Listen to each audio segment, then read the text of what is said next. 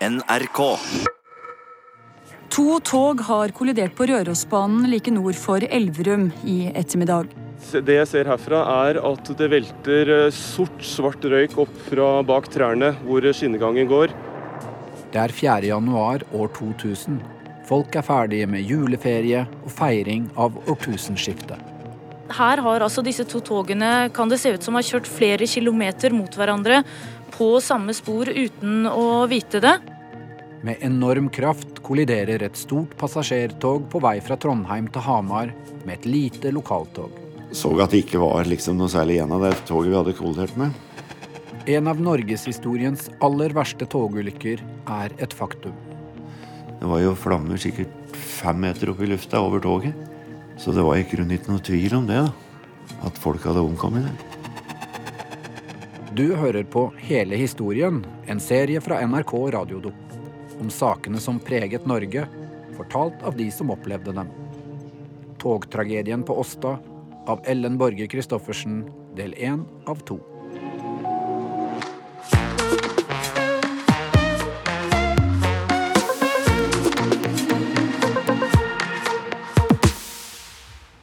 Jeg husker at da skulle hun bli kjørt på togstasjonen, og da sa jeg ha det til henne.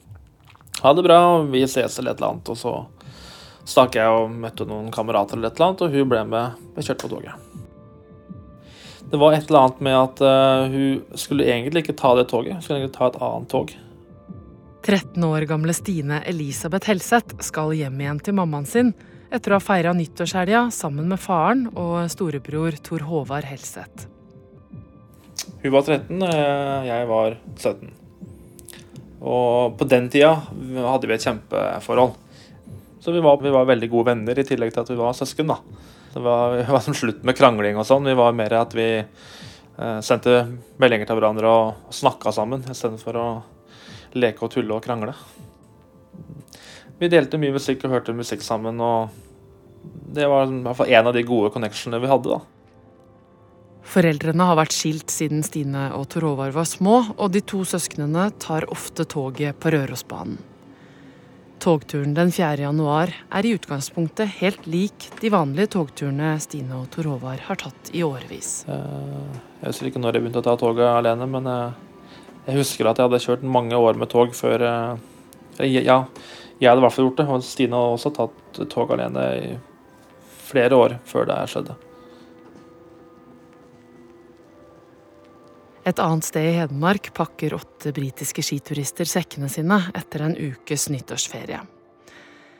Istedenfor store millenniumsfester har Fiona Donaldson og vennene hatt en rolig uke med langrennsturer på en liten norsk trehytte. I was with a group of seven friends. A group of eight of us all together. And we decided to get away from it all for the millennium, for the new year. Fionas reisefølge er en gjeng erfarne turfolk i starten av 30-åra. Flere av dem er vant med krevende forhold. There's a few of us we all enjoyed the outdoors and outdoor activities, and that really appealed. Um, and so we decided to go cross country skiing in a small place in Norway um, for a week. Hele uka har de gått på skiturer, laga mat og spilt spill. Fiona føler til og med at hun har fått litt teken på langrennsskia. Det er første gang hun er i Norge. Nå skal de hjem til England. Men gleder seg først til et døgn i Oslo. And the 4th of January was the day we were due to head home. And we were planning to spend 24 hours in Oslo before we flew back to England. And we'd never spent time in Oslo, so we were looking forward to 24 hours there. Toget de venter på, har reist fra Trondheim noen timer tidligere. Rørosbanen går gjennom de dype skogene i Østerdalen i Hedmark helt til Hamar. På Hamar er det videre overgang til Oslo. Toget i dag består av et stort rødt diesellokomotiv og tre vogner bak. Den 4. januar er det konduktør Jan Anders Arneberg som er på jobb. Det var en del litt mer folk den dagen, for det var jo etter 4. januar, og da kom en del fra Nord-Norge som hadde vært på nyttårstur, da. Som skulle sørover igjen. Så det var liksom litt mer folk enn vanlig. Juleferien fører til mye bagasje på toget. Det er store sekker og tunge kofferter som fyller hyllene over setene. Noen skal hjem etter ferie, andre tilbake til studiene sine. Et eldre venninnepar skal på sydenferie. Mange av de reisende har kommet med tog helt fra Bodø og skal sørover. Nei, Det var nok mange som hadde vært igjen litt oppover på Nordlandsbanen, ja, som kom med toget og nattoget til Trondheim da og gikk over til oss. Det var det. Det husker jeg. Det er noen kuldegrader ute, men ikke så kaldt som det pleier å være i januar. Konduktør Arneberg har jobba på Rørosbanen siden 70-tallet. Han er blid, tuller og småprater med passasjerene om bord. Så da får du veldig god kontakt med folk, da. Så det var vel derfor kanskje at de husa folk så godt, da. For da hadde jo tatt billetten, og så hadde du solgt kaffe og lefse. Som vi sier, så forløp det som normalt, liksom. Så det, det gikk jo bra, alt mulig. I Norge er stort sett jernbanestrekninger enkeltspor, bortsett fra områder rundt og utafor Oslo. Det betyr at når tog møtes underveis, så må de vente på hverandre og krysse der det er to spor. Gjerne på små stasjoner. Den aller siste planlagte kryssingen for toget til Arneberg skal skje på Rustad stasjon rett før de er framme på Hamar.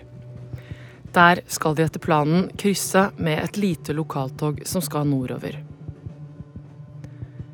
Men denne dagen skal ingen av de to togene komme fram dit de skal. Britiske Fiona og vennene kommer på toget på et sted som heter Tolga. De har plassreservasjoner omtrent midt i den første vogna. Men det sitter allerede folk på plassene deres.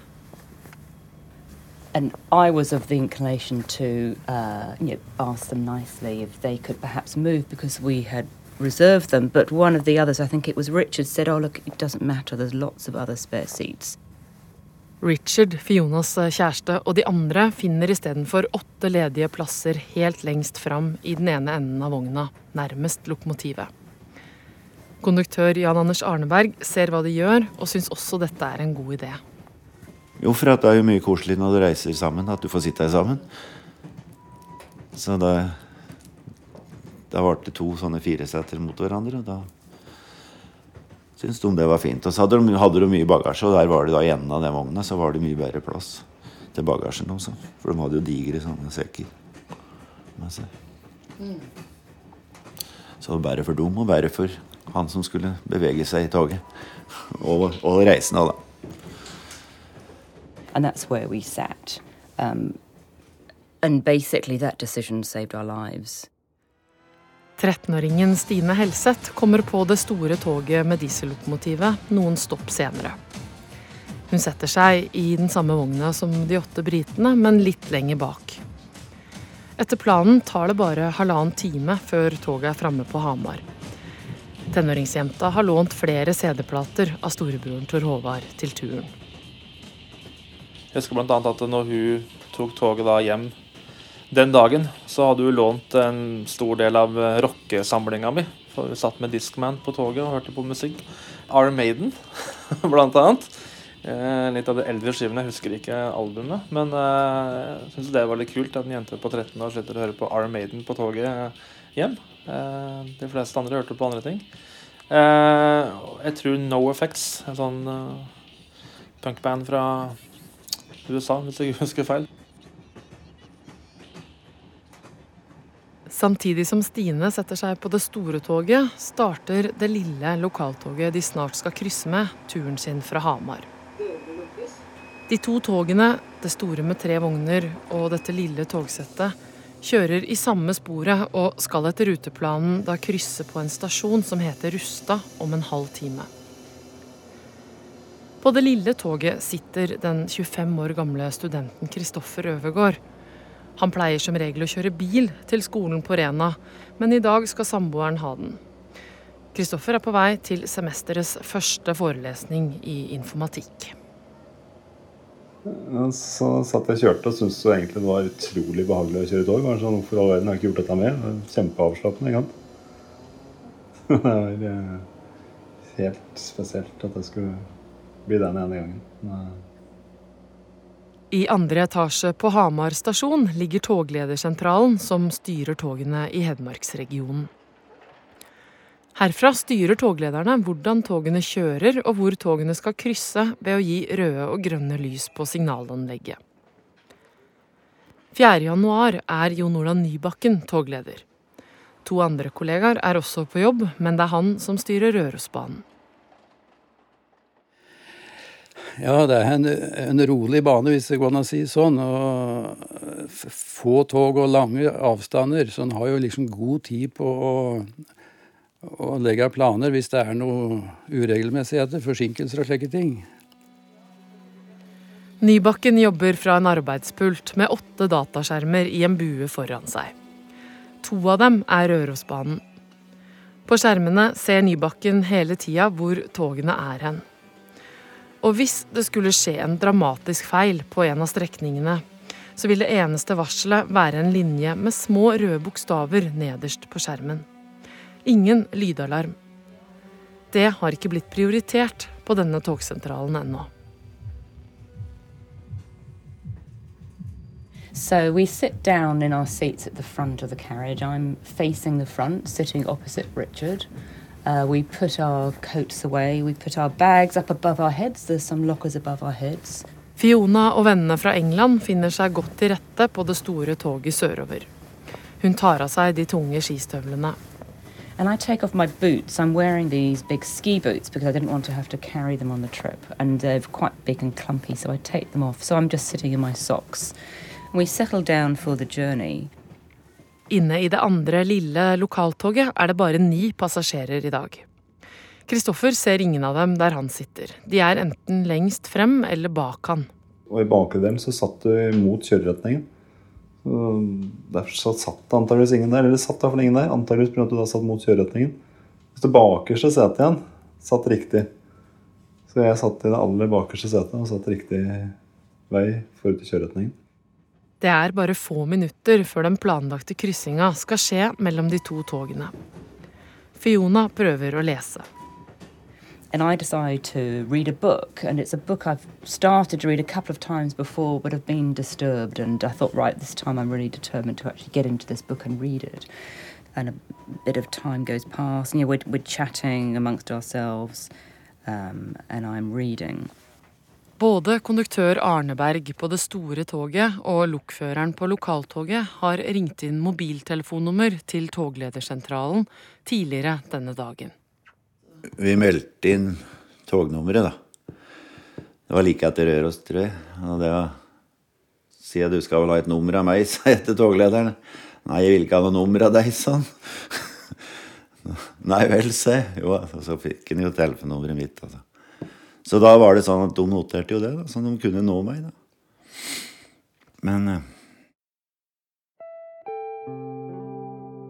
Men det er ikke til hjelp i nødsituasjoner at togene har mobiltelefoner. I år 2000 så er ikke mobildekninga sikker nok, så telefonene er der mest med tanke på god service til de reisende, f.eks. opplysninger om korresponderende busser og tog. Det fins ingen andre sikre måter å nå lokføreren på i fart. Faktisk er den eneste tillatte telefonen til sikkerhetsbruk en såkalt blokktelefon. Da må lokføreren stoppe toget og fysisk gå ut for å ringe fra en telefon i en boks langs togskinna. Om bord i toget er alt som det bruker å være. Konduktør Arneberg gjør de små tinga han pleier, for å lage god stemning på veien. Jeg serverte lokføreren kaffe på Alvdal, blant annet. Så det var jo siste gangen jeg pratet med han.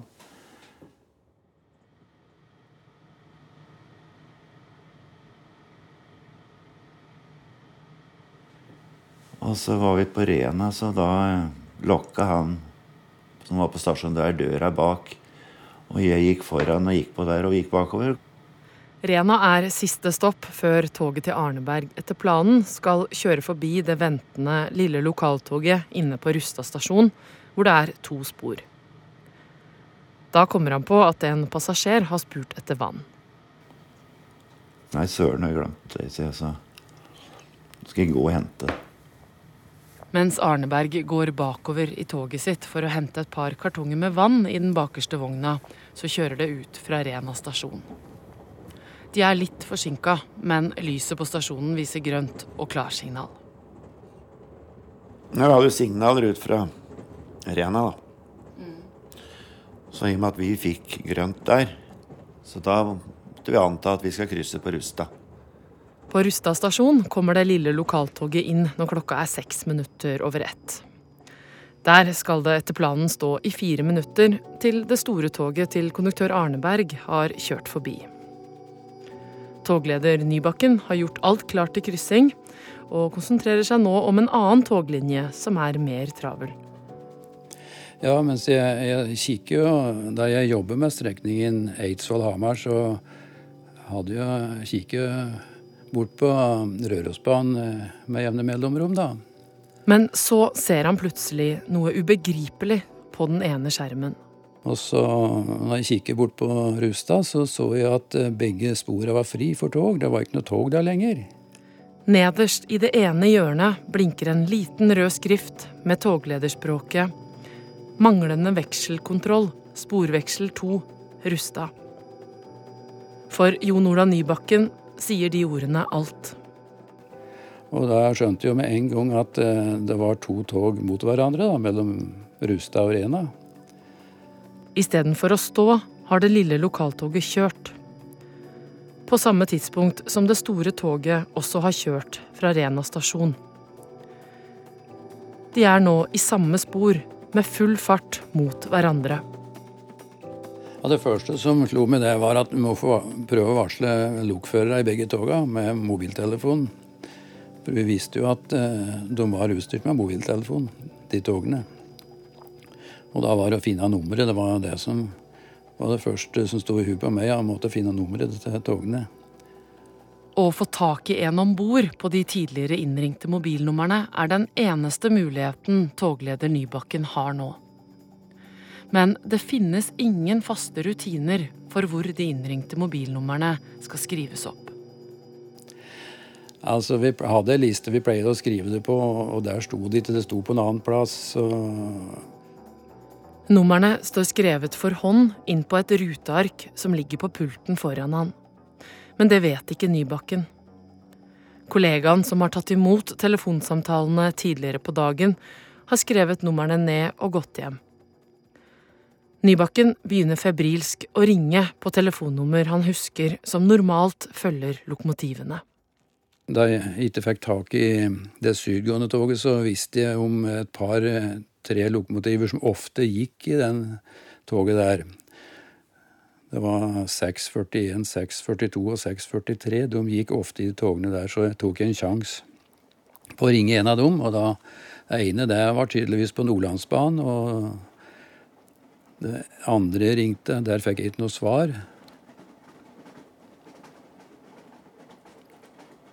På de to togene er det ingen av de 96 passasjerene eller de fire ansatte som vet at de er sekunder fra å kjøre i hverandre. Så gikk jeg bak i nest bakerste rommet på toget. da, Det var sånn BF som vi har. Det er kuppevogn kupévogn og godsvogn. Konduktøravdeling. Konduktør Jan Anders Arneberg. Og et lite kjøkken. Så da var jeg inne på det kjøkkenet oppe i kjøleskapet og skulle hente to sånne kartonger med vann som vi hadde der. Arneberg er inne i kupeen sin, helt bakerst i den tredje vogna. Plutselig blir alt svart.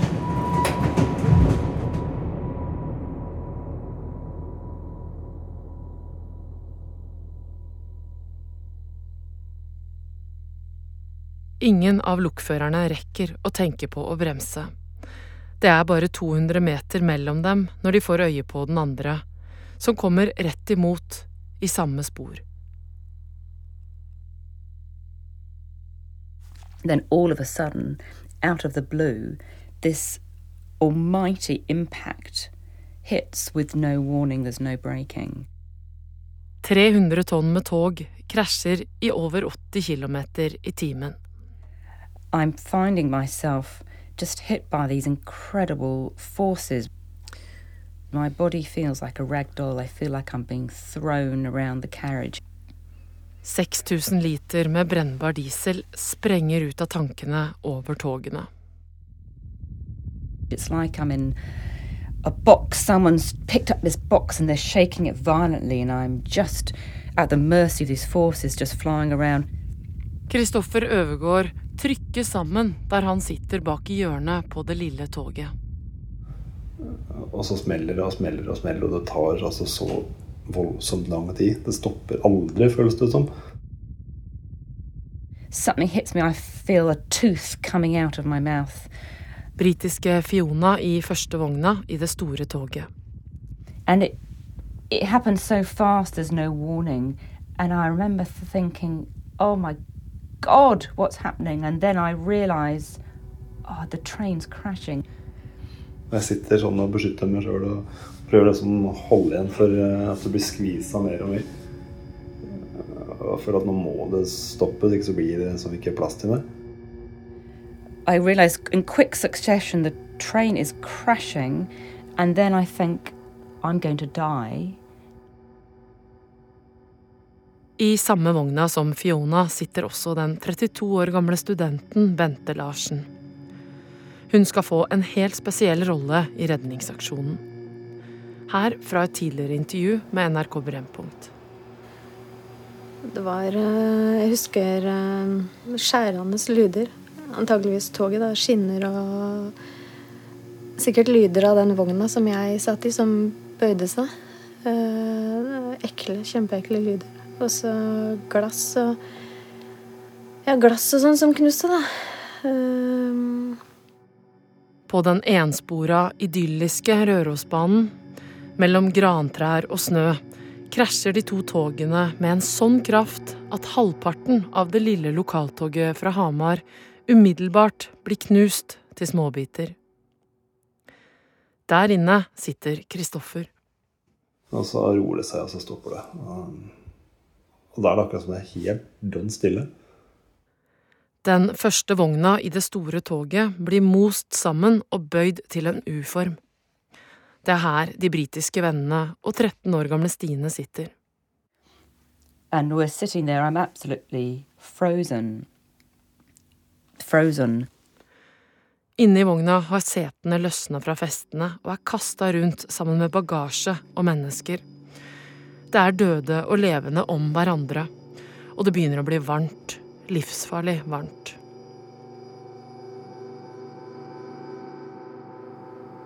Og så liksom trekker du litt sånn pusten, og ja, da gikk dette bra. Og så ser jeg flammene opp på, på sida. For i smellen har tusenvis av liter med diesel blitt sprøyta over togrestene. Plutselig er et brennende helvete i gang midt på togskinna i skogen. Og inni infernoet sitter folk fast i live. Dette var del én av to om togtragedien på Åsta. Følg fortellingen videre. Forvridde vogner, det brenner fortsatt i minst én av vognene. Vognene veltet, ligger på siden av, av sporet der. og så begynte hylet og stønninga. Sånn skikkelig sånn Folk som stønna som holdt på å dø, liksom.